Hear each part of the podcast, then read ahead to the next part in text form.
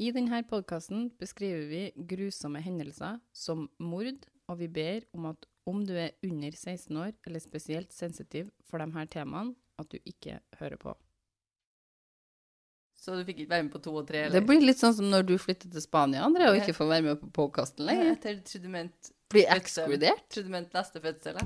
Ja, ja. Nei, nei, nå snakker jeg om podkasten. Det er litt likestilt, André.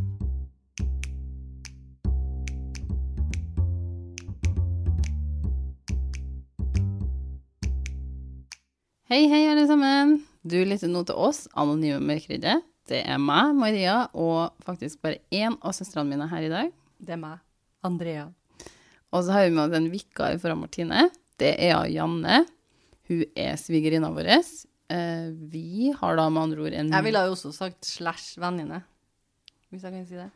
Ja, du får lov å si det du vil. Ok. Men da kunne jeg jo gjort det etter jeg var ferdig, men eh, sånn driver ikke vi med. Vi har med andre ord en bror, da, som er sammen med faktisk forlova med hun spretne damen her. Si hei da, Janne. Hello! Jeg er så heldig å få være med her, da. Det har jeg jo drømt om i et helt liv. da. Jeg får lov å være med i den kule podkasten deres. Du, Janne, som er gjestevikar, da, skal få æren av å gi en liten shout-out til hvem du ønsker i kveld. Oi, det var ikke jeg forberedt på. ja, du, jeg har jo ei, vet du, som jeg kjenner som er veldig glad i dere. Hun Ida. Ida, ja. Ida, vi er glad i Ida, vi òg. Vi er må- veldig glad i Ida. Ja, vi må gi en liten ekstra hilsen til Ida i dag. Hei da. Hei da. Håper du hører på ennå. Pinlig om du ikke gjør det. Jeg regner med hun har dere på når jeg er på mølla og springer ei mil. Vi er veldig glad i Ida. Det er bra. I denne episoden så skal dere få høre om to forsvinninger som skjer i 2009 og i 2014. Oi. Det er to jenter, Morgan og Hanna, som forsvinner. Morgan fra en Metallica-konsert og Hanna etter en kveld på byen. Begge samtidig? Ei forsvinner i 2009, og ei forsvinner i 2014. Begge forsvinner i Charlottesville, Virginia i USA. Skal vi bare starte? Go for it.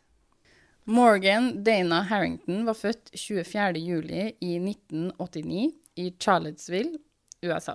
Familien flytta derimot til Roanoke, som er et par timer fra Charlottesville, ikke lenge etter da Morgan ble født.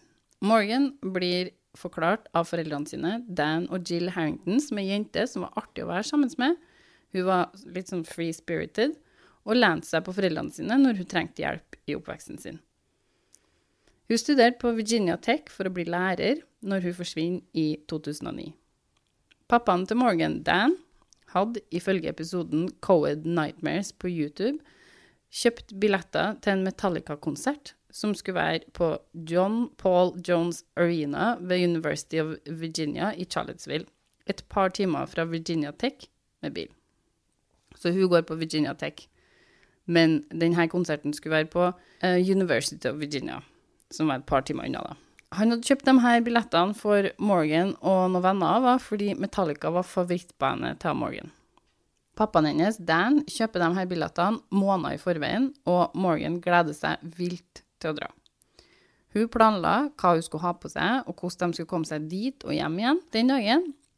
Så den 17. oktober, når konserten er, drar Morgan og tre venner til John Paul Jones Arena sammen. Ja, vi vet om det er jenter eller om det er gutter, vennene. Nei, det er jenter, jo, tror jeg. Men uh, sier de noe om eh, hvordan de kommer seg dit, eller? De kjører, ikke sikker på hvem sin bil de bruker, men de kjører, jentene kjører dit. Men som dere kommer til å høre, så har hun, hun kjører i hvert fall ikke fra den konserten her. Så De kjører én bil. Ja. Mens oppvarmingsbandet er på scenen, forklarer Morgan at hun må på do. Og derfor så går hun fra vennene sine for å finne et toalett. Hun returnerer ikke fra dobesøket, men ringer på en av vennene sine klokka 08.48, sånn som ti på ni, den kvelden, og forteller at hun ikke kommer seg inn på konserten igjen, av en no re-entry-regel de hadde på denne arenaen. Og det er ikke noen god forklaring på hvorfor Morgan hadde gått ut av konsertområdet i første omgang, for de må jo ha toalett tilgjengelig inn på konsertområdet. Men jeg leste én plass, på en av kildene mine, så sier de at hun hadde hun, hadde noe, hun ble observert med noe blod i ansiktet, så de tror kanskje at hun datt og slo seg, eller noe skjedde med henne sånn at hun, hun måtte gå en annen plass enn på den doen her, da. Og, og så er det jo litt rart, så mye som hun hadde gleda seg, så syns jeg liksom at det hørtes litt rart ut at hun endte opp utafor den arenaen her, da. For hvorfor skulle hun ta sjansen? Ja, vel- Jeg bare regner med at de vaktene sa fra om Ja. at går du ut nå, så kommer ikke du inn igjen. Men hun forsikrer i hvert fall vennene sine når jeg ringer dem, om at de ikke skal tenke på henne. Liksom, dette går fint. Jeg skal finne meg en måte å komme meg hjem på. Ikke bekymre dere. Bare kos dere med konserten. Men det er ganske langt hjem. Ja, det er et par timer, da. Høres veldig rart ut. Ja. Når det er favorittbandet, Ja. og gleda seg så lenge og planlagt og Og du har allerede kjørt et par timer til å komme til det favorittbandet, så stikker ikke du bare Nei, så Er det bare oppvarmingsbandet som har vært på, liksom? Du har jo ikke sett en sang jeg, med en gang. Og så står resten av gjengen inn. Og det er vitner, da, blant annet en far og ei datter som kjører langs veien, ikke langt fra den konserten her, som ser henne rundt klokka halv ti den kvelden når hun prøver å haike på ei bru ikke langt fra arenaen. Eh, Det er også noen som sier at de ser henne med tre menn etter hun forlater konserten, men de mennene blir aldri mer nevnt. Ok, men hun er med, men de blir liksom bare nevnt én gang. Ja, det er noen vitner som sier de så henne med tre menn. Men det var utafor. Ja, det var utafor. Ja. Men at de på, det blir aldri på en måte tatt opp igjen, da. Så jeg regner med enten så bare fant de ut at det var Ja, Hun gikk var- ved siden av noen, liksom. Ja. Eller snakka med noen de spurte om det. Ja, at det ikke var av, av noe importance, skal Ja. du si. En av artiklene til Read the Hook forklarer at neste morgen så er det noen som er på denne parkeringsområdet, da, der de parkerte bilene sine når de skulle på konserten, som finner ei veske og en telefon. Og telefonen har ingen batteri i seg. For at den er utlada. Nei, batteriet er fjerna, tror jeg. Campus Police blir ikke så veldig bekymra, da. De er liksom Det var mange folk her i går. Det er fullt mulig noen har mista veska si og mobilen sin, liksom. Se for meg at det er noen som har mista veska si som Altså at det er flere som mister veska si på- under en konsert. Det står ingenting om at jeg har drukket eller noe, eh, så jeg kan ikke svare på om hun har det. Eh, Men det er noen som tar opp det her med at hun så skada ut. Om hun hadde slått hodet og var litt, om hun var forvirra, eller Mora og faren hennes syntes det er veldig merkelig at hun har haika, for det var ikke veldig likt hun da. Men videre så sier artikkelen til the Hook da, at eh, mora og faren til Morgan, Dan og Jill Harrington, hadde allerede da, den morgenen her når den veska blir funnet da, blitt bekymra for dattera si. Siden hun skulle møte pappaen sin, Dan, den dagen, for å få hjelp til en matteeksamen, og, og litt sånn hjelp til pengene sine, tror jeg. Kanskje. gå over regnskapet, rett og slett. Ja. ja. Men hun hadde ikke møtt opp, og det syntes de med en gang var bekymringsverdig. Spesielt siden hun heller ikke hadde tatt kontakt for å forklare at hun ikke kom, eller hvorfor hun ikke kunne komme. Hun var veldig punktlig og veldig pålitelig jente, så det her syntes de var rart. Så Jill og Dan tar kontakt med vennene til Morgan, som de visste hadde vært med Morgan kvelden før på den konserten her. De hadde lyst til å forhøre seg om noen visste hvor hun kunne være. Det er da de finner ut at ingen vet hvor hun er. Nei, for det kommer jo en litt sånn vag melding der, da, sikkert. Hvis, hvis du har ringt vennene dine og sagt eh, Nei, hvis du som forelder har ringt vennene til ungen din og spurt vet du hvor hun ble av. Vi er litt usikre. Hun forsvant. På do, Ja. og så kom alle tilbake, men hun ringte oss. Og da var hun ja. utafor, liksom. Da har jeg kommet til å være bekymra. Jeg tenker nå litt sånn dere vennene nå, at de bare lot henne ferde. Er det jo litt rart? Jo, men hun, hun ringte jo for å forsikre deg om at det gikk greit. Ja, og hun sa fra. Det er ikke, ikke stresse, liksom. Jeg, det går helt fint. Jeg skal finne meg en måte å Liksom, jeg fikser det. Bare ikke Bare vær der dere er, liksom. Jeg tror, for at jeg håper og tror at jeg er god venninne, har jeg kommet til å sagt nei da. Vi holder sammen. Det hadde jeg jo gjort. Jeg, hadde, jeg kjenner på at det hadde ikke vært greit. Men jeg vet ikke om jeg hadde gjort det. Nei. Jeg tror kanskje at jeg bare hadde sagt OK, kult. Jo, men hvis du visste at det var det når vi liksom kommer hjem, da, liksom? to timer unna, da. De hadde lyst til å forhøre seg om noen visste hvor hun kunne være. Eh, Det er da de finner ut at ingen vet hvor hun er igjen, og de forklarer at hun endte opp utafor arenaen, som hun hadde sagt, og at ikke, hun ikke fikk slippe inn igjen. Og hun hadde ringt dem og forklart det her, og at de skulle ikke bekymre seg for henne. Men siden da hadde ingen hørt noe fra henne. Artikkelen 'He's Still Here' forklarer at vitneutsagnet fra faren og dattera som ser av Morgan på brua klokka halv ti den kvelden, er grunnen til at de klarer å pinpointe nesten akkurat når hun måtte ha blitt bortført. Faren kjører dattera si til der hun bor, bare et par minutter etter de ser av Morgan på brua, så hun dattera bor ikke langt unna den brua her, da. Og bygningen dattera her bor i, har et elektronisk nøkkelkortsystem som loggfører at hun låste seg inn klokka 21.22. Så er faren innom en butikk, og kvitteringa der forteller at han betaler for seg 21,30. Og når faren da kjører over brua igjen, minutter etter det her, så er Morgan borte. Da er hun plukka opp av noen. Som hun har haika til. Som hun har Det haika. er det ja, de tror. det er det de tror. Ja. I det her timinuttet da, fra faren og dattera kjører over brua, til faren kjører over igjen på tur tilbake, så er det to vitneutsagn til som forklarer at de så Morgan på brua, og at hun haika på det tidspunktet. Dan og Jill, foreldrene til Morgan, kaster ikke bort tida. De jobber beinhardt for at alle i hele USA skal få hørt navnet hennes og vet hvordan hun ser ut. De har pressekonferanser, masse pressekonferanser, eh, hvor de ber om at Morgan skal få komme hjem. Og de sier liksom det er no questions asked, vi kommer ikke til å gjøre noen verdens ting, bare la dattera vår få komme hjem. Ring politiet, vi skal ikke gjøre noe, liksom. Bare, de, altså, politiet er jo er uansett, ja. men de skal bare De skal ikke sette noe spørsmål ved det eller noe, de skal, vil bare ha igjen dattera si. Tre uker etter at Morgan forsvinner, så dukker T-skjorta hennes opp. OK. Og i en artikkel fra Haas Spencer så forklares det at denne T-skjorta som Morgan hadde hatt på seg når hun forsvant, dukker opp på en veldig suspekt måte. Det er en mann som heter Blaine, som finner T-skjorta utafor der han bor, når han kommer hjem fra forelesning, en onsdag i november. Han ser T-skjorta bretta ut, nesten litt sånn pent, på hekken utafor der han bor. Den var ikke vanskelig å få øye på, og den hadde ikke vært der før han dro på forelesning, da.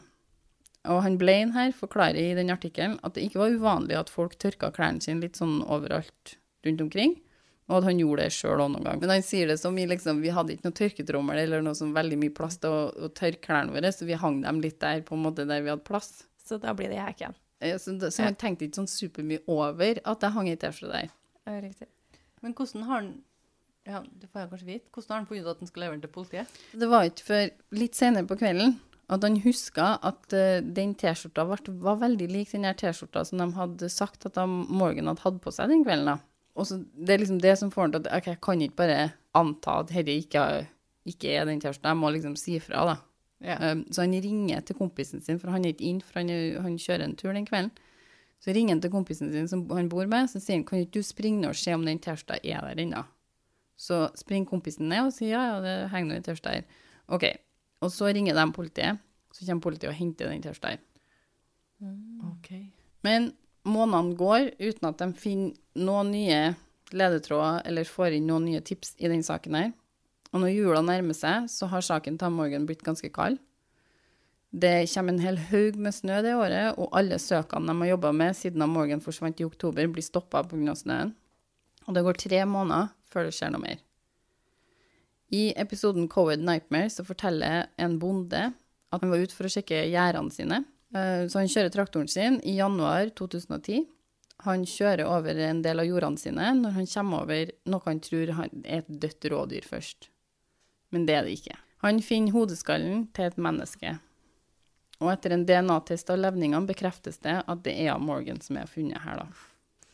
Og pga. forråtningsprosessen klarer ikke rettsmedisineren å stadfeste verken dødstidspunkt eller dødsårsak. Og politiet har ingen mistenkte. Men jeg er litt sånn tilbake til den her T-skjorta. Jeg syns det er veldig merkelig. At uh, det liksom heng, henger ei T-skjorte i hagen her også. Ja, nei, det. Ja, gjør det. Men finner ikke de noe sånn DNA eller noe på den her? For de er jo ikke borti dem som finner den. Jo, de finner DNA på tirsdag. Uh, vi kommer til det. Men eh, uh, i den eh, Jeg så to dokumentarer om det, eller en episode som heter Covid Nightmares. Så så jeg en 48 Hours som har en em, episode om det. Både Hanna og Morgan sine, sine drap. da. Og der sier mora i den uh, 48 Hours-dokumentaren, tror jeg det var, at det er en ganske cocky fyr, det her. Som uh, bare tar den her T-skjorta som er plastra over i pressen overalt, liksom. Og alle vet at han har den på seg. Og så tar han den, og så bare henger han den litt sånn pent over en hekk en plass. Så hun mener liksom her er ganske Det er en ganske syk ting å gjøre, da. Ja, det vil jo jeg si at det òg. Jeg er veldig enig. Det, Det blir utløst en dusser på 150 000 dollar for informasjon som leder til arrestasjon og dom av morderen. En artikkel på People Pill som går gjennom Morgan sin sak, forklarer at 100 000 dollar blir utlova av Crime Stoppers, og 50 000 blir lagt på av bandet Metallica. Oi! for et tiltak Metallica gjør. Mm. Der, der våkna du. Ja, det, det, men sånne ting syns jeg er Ja. så flott gjort av folk, fordi de har jo ikke noe med saken her å gjøre. Egentlig ikke. Men De bare velger å Men det kan jo godt hende de føler litt ansvar da, i og med at hun var på den konserten. Ja. da, At det var, men, Men det er jo, de har jo ikke noe ansvar for det. Og våren 2010 blir det annonsert at de har funnet DNA på T-skjorta som blir funnet i november det forrige året. Mm, vet du. De har leita etter det lenge, da. I en artikkel på NBC12 forklarer de at de har klart å knytte DNA-et fra Morgan sin sak til en overfallssak som skjedde i Fairfax, Virginia i 2005. Og Fairfax, Virginia, da, det er et par timer fra Charlottesville, der, eh, i det området de bor. Og i den saken hadde de en skisse av overfallsmannen. Men mannen var aldri blitt funnet. Så denne saken er jo fire år før Morgan okay. sin sak. Så nå må jeg bare spørre. De matcher DNA-et på overfallsmannen, men de har ikke noe profil på han. Nei, det er ingen Nei. treff i systemet Nei. deres. Det er bare treff på DNA-et ligger inn. Eh, ja, på grunn av den saken i 2005. Ja. Ja, og der er det laga ei skisse. I den skissa her skisserer en mørkhuda mann. Ja, og han der er en mørk mann. Ja, det er en mørkhuda mann. Men det var et overfall, ikke, ikke en drapssak. Nei, Ja. det var ikke en drapssak. Det var et overfall og en voldtekt. Så den mannen her har jo aldri blitt funnet, da. De har aldri funnet ut hvem som gjorde det her i 2005. Og ifølge episoden COVID Nightmares så går James Hetfield, hovedvokalisten i bandet Metallica, ut i pressen og ber alle om å ha øynene åpne for mannen på skissa. Han ber alle som har noe informasjon om saken, eller mannen, om å ta kontakt med politiet. For veldig bra dekning, den denne saken, da. Jo, og metall... Ja, sier et band som Metallica noe, så våkner jo folk. Men saken blir kald igjen. Men 13. september i 2014 så forsvinner ei 18 år gamle jente ved navn Hannah Graham etter hun har vært på en fest. På det tidspunktet hun forsvinner, går hun på University of Virginia og studerer. Det var jo det universitetet den konserten var på. Ifølge artikkelen på WUSA så var Hanna en utmerket atlet og en toppstudent som hadde flytta fra England til USA med foreldrene sine når hun var fem år gammel. Og i en artikkel fra CBC News forklarer vennene av Hanna at hun var ei smart jente som hadde talent for musikk og en tørr humor. Hun var ei selvsikker jente som var drevet til å gjøre det bra. Det ble utlova en dusør på 100 000 dollar for informasjon som leder til hvor Hanna befinner seg. De har ikke funnet noe kobling ennå her. Nei. Nei. I artikkelen til WUSA så blir det forklart at Hanna blir fanga på overvåkningskamera den kvelden hun forsvinner. Klokka halv ti fredagskvelden, altså kvelden før hun forsvinner, eller hun forsvinner jo på natta, kan jeg jo fortelle dere, sånn liksom herre her er fredagen, på klokka halv ti på fredagskvelden, blir Hanna fanga opp på Camden Plaza Apartments sitt kamera i en oppgang som ikke var langt fra der hun bodde, som var på Grand Mark Apartments ikke sånn superviktig at man vet liksom, husker hva de plassene her heter, men det her er de plassene hun blir fanga opp, da. Klokka ti på tolv den kvelden møter noen venner hun der på uh, Camda Plassen Apartments, og det er siste gangen vennene ser henne i livet. Kvart på ett den lørdagsnatta, altså nesten en time etter vennene møter på henne, så blir hun fanga opp på overvåkningskamera utafor en pub, og hun snakker da med en mann og virker ganske berusa. Klokka ett på natta blir hun nok en gang fanga på overvåkningskamera på en Shell bensinstasjon, ikke langt fra der hun bor sjøl.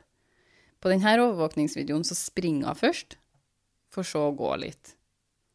Okay, det er så suspekt, det.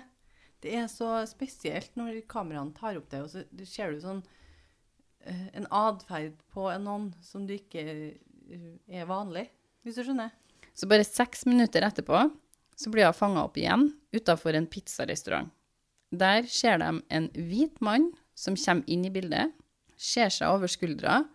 Så går han inn i en sånn her døråpning, på en måte sånn at du får en sånn kant rundt døra. Skjønner du hva jeg mener? Ja, ja, Sånn at du kan gå karm, liksom. Ja. Eller sånn, eh, ja. Mm. mm, Så du kan gå inn og stille deg der, på en måte. Visuell medie, Maria, og du forklarer med hendene. Ja. Det er vanskelig å forklare det, for jeg fant ikke noe på en måte. ja, men sånn type hvis det regner, sånn så søker ly... Ja. mm, Godt uh, sagt, Janne. Så liksom han går inn og stiller seg der. Ok, Så der, um, han er litt suspekt på det her. Han vil jeg si er veldig suspekt. Um, så han- hun Hanna her, hun går forbi den mannen, og så begynner han å følge etter henne. Noen minutter etterpå så dukker Hanna opp på videoovervåkningskameraene til en plass som heter Tools Jules, hvor det vises at den samme mannen fortsatt følger etter henne. Den mannen her står det i artikkelen til WUSA at kommer inn til politiet og forklarer at han hadde fulgt etter henne fordi han syntes det så ut som at Hanna var stressa eller redd. Love the bullshit there, da. Han blir sjekka ut av den saken her. Hæ? Uh, men jeg må bare si at hvis noen tenker at det er greit å følge etter noen, hvis du føler at de føler seg redd eller stressa, Så så ikke, mer. ja, ikke gå etter dem. Er han sjekka ut? Ja, det, han her blir aldri nevnt igjen. For det første, så når du går alene på gata, så føler du at noen følger etter deg. Ja. Du får jo kikke over Det er ikke mye som skal til før du du føler det. følelse. Ja. Og hvis du først snur deg, så er det noen som får gå etter deg. I flere minutter. Ja. Hvis ikke du var stressa, så blir du stressa. Ikke lenge etter Tools Jules så dukker Hanna opp igjen ved en restaurantbar. Eh, Da er hun sammen med en mann med dreadlocks som kjøper alkohol på den baren her. De er der i 15 minutter sammen, så drar de også sammen fra den baren her. Dreadlock som at den er mørkhuda. Ja. Ja. 1.20, altså ti på halv to da, den kvelden, sender Hanna melding til vennene sine hvor det står I'm coming to a party, but I'm lost. Det er det siste som blir hørt fra. Hva sa du? I'm coming to a party, but But- I'm lost. But I'm lost. Så jeg skal på en fest, men jeg forsvunnet. Eller rota meg Jeg bort. rota meg bort. Og det er det siste de hører. Det er ingen som hører noe mer etter det. Men er det liksom planlagt at de skal møtes da, eller på den festen? Siden Eh, hun sender det til vennene sine? Ja, det kan, dette kan jo være en typo òg. Det kan være å skrive 'I'm coming to the party', kanskje Ja. hun skulle skrive, men eh, hun er litt berusa på det tidspunktet her. Jo, men hun nevner jo ikke at jeg har allerede Jeg har vært på en bar. Hun har jo vært på en bar òg. Ja, hun har vært flere plasser, så Ja. Ifølge 48 Hours, som har en episode om Hanna, da, så er det et vitne som forklarer at hun ser Hanna og den fyren med dreadlocks rundt samme tida som Hanna sender siste meldinga si. Fyren med dreadlocks stopper opp i noen sekunder, og Hanna går foran den. Men når hun krysser gata, så tar fyren hun igjen og putter handa si rundt Hanna, da. Vitnet sier at hun hører at Hanna roper til fyren at hun kommer ikke til å bli med han inn i bilen når de kommer fram til bilen hans. da. Hun kjenner ikke den engang. Det er det vitnet forklarer til Hanna sier. Vitnet fortsetter å gå, øh, og så kjører vitnet det, her, det samme vitnet forbi samme sted noen minutter etterpå, og sier da at verken fyren eller Hanna var å se lenger. Så de satte seg i biler, eller? Ja, bilen var borte. Jeg, håper jo og tror at vi alle vi har kommet til å stoppe. Ja, jeg, jeg håper og tror at jeg gjør det. Men jeg tror ingen av oss vet hvordan vi egentlig reagerer i sånne ting før vi står i det sjøl, da. Hanna sin forsvinning utløste den største leteaksjonen i Virginia sin historie, ifølge CBC News sin artikkel 'Deadly Connections'. Hver dag kom det hundrevis av folk for å hjelpe til å søke i områdene. Så på dag seks etter Hanna forsvinner, så får politiet inn et tips som gjør at de får identifisert mannen på overvåkningskameraene. Det er en mann som heter Jesse Leroy Matthew jr. Han som gikk forbi Tools Jules. Nei, dette var han på baren. Han han, på baren, han med dreadlocksen. Å oh, ja. Mm. De ransaker leiligheten hans, og de henter inn bilen hans. Og det tar ikke mer enn en dag før navnet hans er i pressen. Jesse er da en 32 år gammel mann. Han eh, er, som jeg nevnte i stad, en mørkhuda mann. Og han går inn på politistasjonen sjøl, og helt frivillig. Han kommer inn sjøl. Det er ingen som henter han inn eller noe. Han bare valser inn der og sier liksom hei, hei, jeg er han der fyren fra overvåkningskameraene. Uh, og der vil han gjerne ha en advokat, og svarer ikke på spørsmål fra politiet. Nå er han bare vitne. Nå er han sett på som vitne. Nei, han er vel mistenkt. Han er vel litt sånn midt imellom, tror jeg. Person of interest, tror jeg de kaller Ja. Liksom, det Ja. betyr ikke at du verken har noe med det å gjøre, eller at du ikke har noe med det å gjøre. Det er bare i saken. Interessant i saken. ja, du har mest sannsynlig noe informasjon vi trenger i den saken her. Mm. Eh, og politiet må jo da til slutt la han her gå, da, for de har jo ikke nok til å holde han på det tidspunktet her. De setter derimot opp overvåkning på han, men de klarer å miste han da når han bestemmer seg for å stikke av mens han kjører bil. Stikke av mens han kjører bil. Så han stikker av i biler. Ja, ja. Han, sitter, altså, han kjører, da. Plutselig så bare Fordi at han merker at han gass. eh, blir liksom fullt. At Ja. han har hale. OK, makes you feel guilty. Så videre i artikkelen til WUSA forklarer de at Twitter eksploderer når det kommer ut at en Jesse har stukket av. Uh, mange folk var veldig investert i den saken her, og det var en av dem Altså hvis Morgan fikk mye presse pga. mora og faren sin, så fikk denne saken veldig mye presse bare i seg sjøl. Altså den var blåst opp i media. Det var landsdekkende media på den her, liksom. Ikke mange dager etter Jesse stikker av, blir han formelt sikta i saken, og en arrestordre blir gitt ut. Ifølge en artikkel av Dilani Berettel så finner de ut at Jesse ikke var helt ukjent for politiet. I løpet av ca. 11 måneder mellom 2002 og 2003 så hadde det vært to stykker som hadde anklaga Jesse for voldtekt. Og det her skjedde når han studerte på Liberty University i Lynchburg og Christopher Newport University i Newport News. Så på to forskjellige plasser her, da.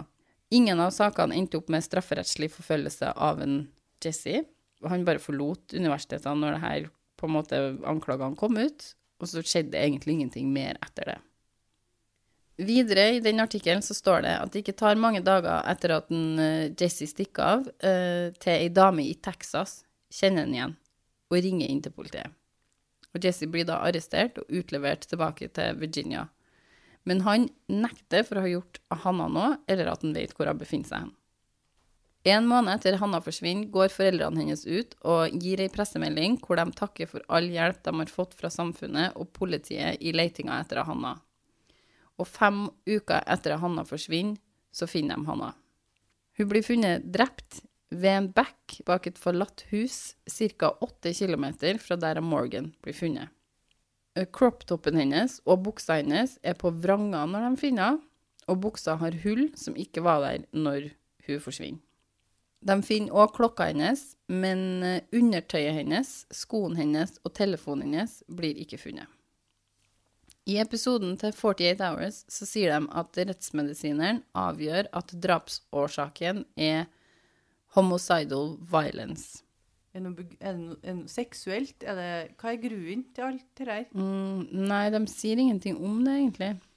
Så de finner ikke noe spor der at det har blitt uh, misbrukt. Uh. Nei, de, de, det blir i hvert fall ikke nevnt. Men uh, hadde de, fant de døds... sånn dødstidspunkt, da? Når de, for at hun ble jo funnet fem uker etter at hun forsvant. Forråtningsprosessen til Hanna også har kommet ganske langt, så det er derfor de har litt vanskeligheter for å uh, vite Ja. hvordan hun dør, egentlig. Men de antar at det har blitt kvalt. Eh, hun har noen skader til hodet, tror jeg, men de er ikke uh, Dødelige. dødelige skader. Og så har hun to brudd i nesa, som rettsmedisineren sier må ha skjedd sånn cirka ved drapstidspunktet. Eller i hvert fall veldig nært drapstidspunktet, da. De sitter sånn helt stadfest, ikke helt sånn klokkeklart for oss, men eh, de antar at hun ble drept i, tidlig om morgenen etter å ha blitt eh, bortført. Da. Mm. Den etterforskeren som jobba med den overfallssaken i Fairfax i 2005, ser bildet bilde av en Jesse på nyhetene og blir overbevist om at det er fyren fra skissa som ble laga i hans overfallssak i 2005. Da. Han drar til Virginia og får tatt DNA for å sammenligne her. Eh, Og han har rett. Jesse er da overfallsmannen som for nesten ti år siden overfalt ei jente i Fairfax. Og det DNA de hadde funnet i den overfallssaken, var jo da samme DNA som de fant på T-skjorta T-skjorte, til Thea Morgan i 2009. I CBC News-artikkelen så forklarer de at jenta som ble overfalt i 2005, blir overfalt bakfra i et sånn her blitz-attack, eller sånn blitz-overfall. Hun blir raskt og voldelig overfalt og plukka opp. Bare plukka Ja. opp fra bakken. Jesse tar med seg den jenta her inn i et skogholt, og når vi nå da vet litt om en Jesse her, da, så er det ganske sykt det som skjer her. For det er en mann som stopper på parkeringsplassen med bilen sin. Og den mannen her er på tur til kompisen sin for å se en boksekamp, egentlig. Men så parkerer han her, og når han parkerer, så skinner lysene hans rett mot der Jesse har hun jenta her i det skogholtet. Så Jesse reiser seg og ser han fyren her, som da står på parkingsplassen og lurer litt på hva er det jeg kikker på, liksom. Og så stikker han av, han Jesse. Så den mannen her, han Han redda jo. Ja, Ja. han gjorde det. For jeg tror ikke han hadde stoppa der Nei, om det vet ingen vi jo nå. Hun jenta her hun kommer ut av skogholtet full av gjørme og sånn slått halvt i hjel. Liksom. Hun er skikkelig banka. Og forteller at liksom, det er en mann. Det er en mann bak der. Så han mannen her som sto på parkeringa, da, han springer inn i skogen og roper det høyeste han får til. Bare 'kom ut, kom fram, vis deg', liksom. Men han Jesse var da stukket for lengst. Jeg kjenner jeg får litt sånn ståpels. jeg. Ja. Litt sånn stolt av at, eh, At, ja, at han eh, liksom backa opp og Er er jo sikkert hjerte. full av adrenalin, da, og Jo, sikkert uh, høy som et fjell, men, uh, men dog. Bare å være sånn medmenneske er jo Mm. kjempeflott. Så mannen da, han tar jo da vare på den jenta her i stedet. Han går tilbake til jenta, og så ringer han på alle husene han, han finner, til noen åpner til han, og hjelper dem da. Eh, Så får han han sikkert til et sykehus, og det er da der de finner DNA-et til en Jesse, for de gjør et sånn rape kit på henne og skraper under neglene, og det er veldig viktig at man gjør etter sånne overfall, for rett ned. Det er masse bevis man eh, ikke, kanskje ikke tenker over at man kanskje har på seg. Og de finner DNA til Jesse under neglene til hun jenta her, da. Jesse blir først stilt for retten for overfallet på jenta i 2005. Tiltaler i Morgan og Hanna sine saker venter litt på seg, ifølge 48 Hours-dokumentaren.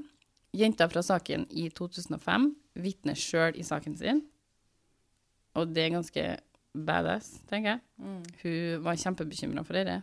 Uh, hun reiste ganske langt for å gjøre det òg. Så skal du se han der i Ja, og hadde hadde ikke det vært for hun, så hadde ikke de klart å koble de sakene her heller. Og hun er litt sånn uh, katalysten, da, som får i gang um, uh, Morgan og Hanna sine. Det er litt sånn dominobrikke, da. Ja, og hun, er, ja, hun får veldig mye skryt av etterforskerne. Hun var kjempeflink i, i retten. Og han faren til Morgan, den, den siste plassen av Morgan er sett, den brua der, er pryda av veldig mye sånn her eh, skrift og blomster og masse sånn. Det her er liksom hans litt sånn memorial place da, for Mm. Morgan. Og der også står det masse sånne uh, hilsninger til hun jenta her, da. Sånn takk for at du sto fram, og takk for hun er anonym eh, hele veien. Det er ingen som vet hvem hun er. Uh, og takk for at du på en måte hjalp å få ham dømt, da. Så i oktober 2014 eh, blir Jesse dømt for forsøk på mord og kidnapping med intensjon om å skade for overfallet på denne jenta i 2005. Han får tre livstidsdommer for dette overfallet. Han sier seg ikke skyldig først. Han har ikke gjort det her. Men når rettssakene starta i 2015, så går han med på en Alfred plea. Som betyr Hva er det for noe? En Alfred plea er når den sikta personen fortsetter og sier at jeg er ikke skyldig i det dere sier jeg har gjort, men jeg erkjenner at dere mest sannsynlig har nok bevis for å få meg dømt for det. Så jeg sier meg skyldig uten å si meg skyldig. Det er en litt sånn der, det er en snedig plea deal, da. Uh, ifølge artikkelen til Dilani Bartlett blir Jesse i 2015 også sikta for bortføringa og drapet på Morgan og Hanna. I mars 2016 så sier han seg skyldig på alle tiltalepunkt og får fire livstidsdommer til. Så han har sju Så han sier seg skyldig til slutt, ja. Ja, han sier seg skyldig på alt som har med Morgan og Hanna å gjøre. Jesse kunne i Hanna sin sak potensielt få en dødsdom. Det var den strengeste straffen han kunne få i Hanna sin sak. ja. Men eh, ikke hvis han sier seg skyldig, for da Nei, da blir han jo slipper du unna. ja. Blir sittende i stedet. Ja. En artikkel i W Top forklarer at Jesse hadde bare sittet inne i tre år i mai 2019, når han blir diagnosert med stage 4 tykktarmskreft. Og han blir overført fra fengsel til ei sikker avdeling på VCU Hospital i Richmond. Karma is a bitch. Mammaen og pappaen til Morgan, Jill og Dan Harrington, oppdretter en veldedighetsorganisasjon i kjølvannet av at Morgan blir drept. Den heter Help Save the Next Girl. På hjemmesida deres, som det ligger link til i kildene mine, står det at hovedfokuset til organisasjonen er å spre sikkerhetsinformasjon og prøve å forhindre framtidige overfall eller andre kriminelle handlinger mot kvinner. De jobber med å få fokus på kvinners utfordringer på studiesteder, og denne organisasjonen, som ble starta av Dan og Jill, har vokst seg til å bli meget stor. Den inkluderer en skole i Zambia i Afrika, som er i Morgan sitt navn. Jill og Dan forklarer i et intervju at de har funnet en form for fred ved å gi tilbake til verden på den måten her, og at organisasjonen deres har redda liv. De kan aldri få tilbake dattera si, men de tror at hun hadde vært stolt over hva de hadde fått til i hennes navn. Ja, kjempebra. Det er mammaen til Morgan som gir Jesse navnet The Back to School Killer. Uh, og det gjør hun fordi hun tror han har gjort mye mer enn det han har blitt dømt for. Da. Og hun håper at de fortsetter å etterforske videre for å se om det er noen sammenhenger i andre saker. Det er sikkert masse sånne uløste saker på jenter i sånne campusplasser. Det var alt vi hadde for denne gangen. Følg oss gjerne på Instagram. En liten pause. Om dere har noen historier eller har hørt noe spennende som dere vil vi skal ta opp i de bitte små pausene våre, så send oss gjerne en mail på En liten pausepodkast at gmail.com. Tusen takk til Janne som stilte opp på så kort varsel. Just, takk for at jeg fikk være her. Tusen takk for at du lytta på. Vi høres. Ha det. Ha det!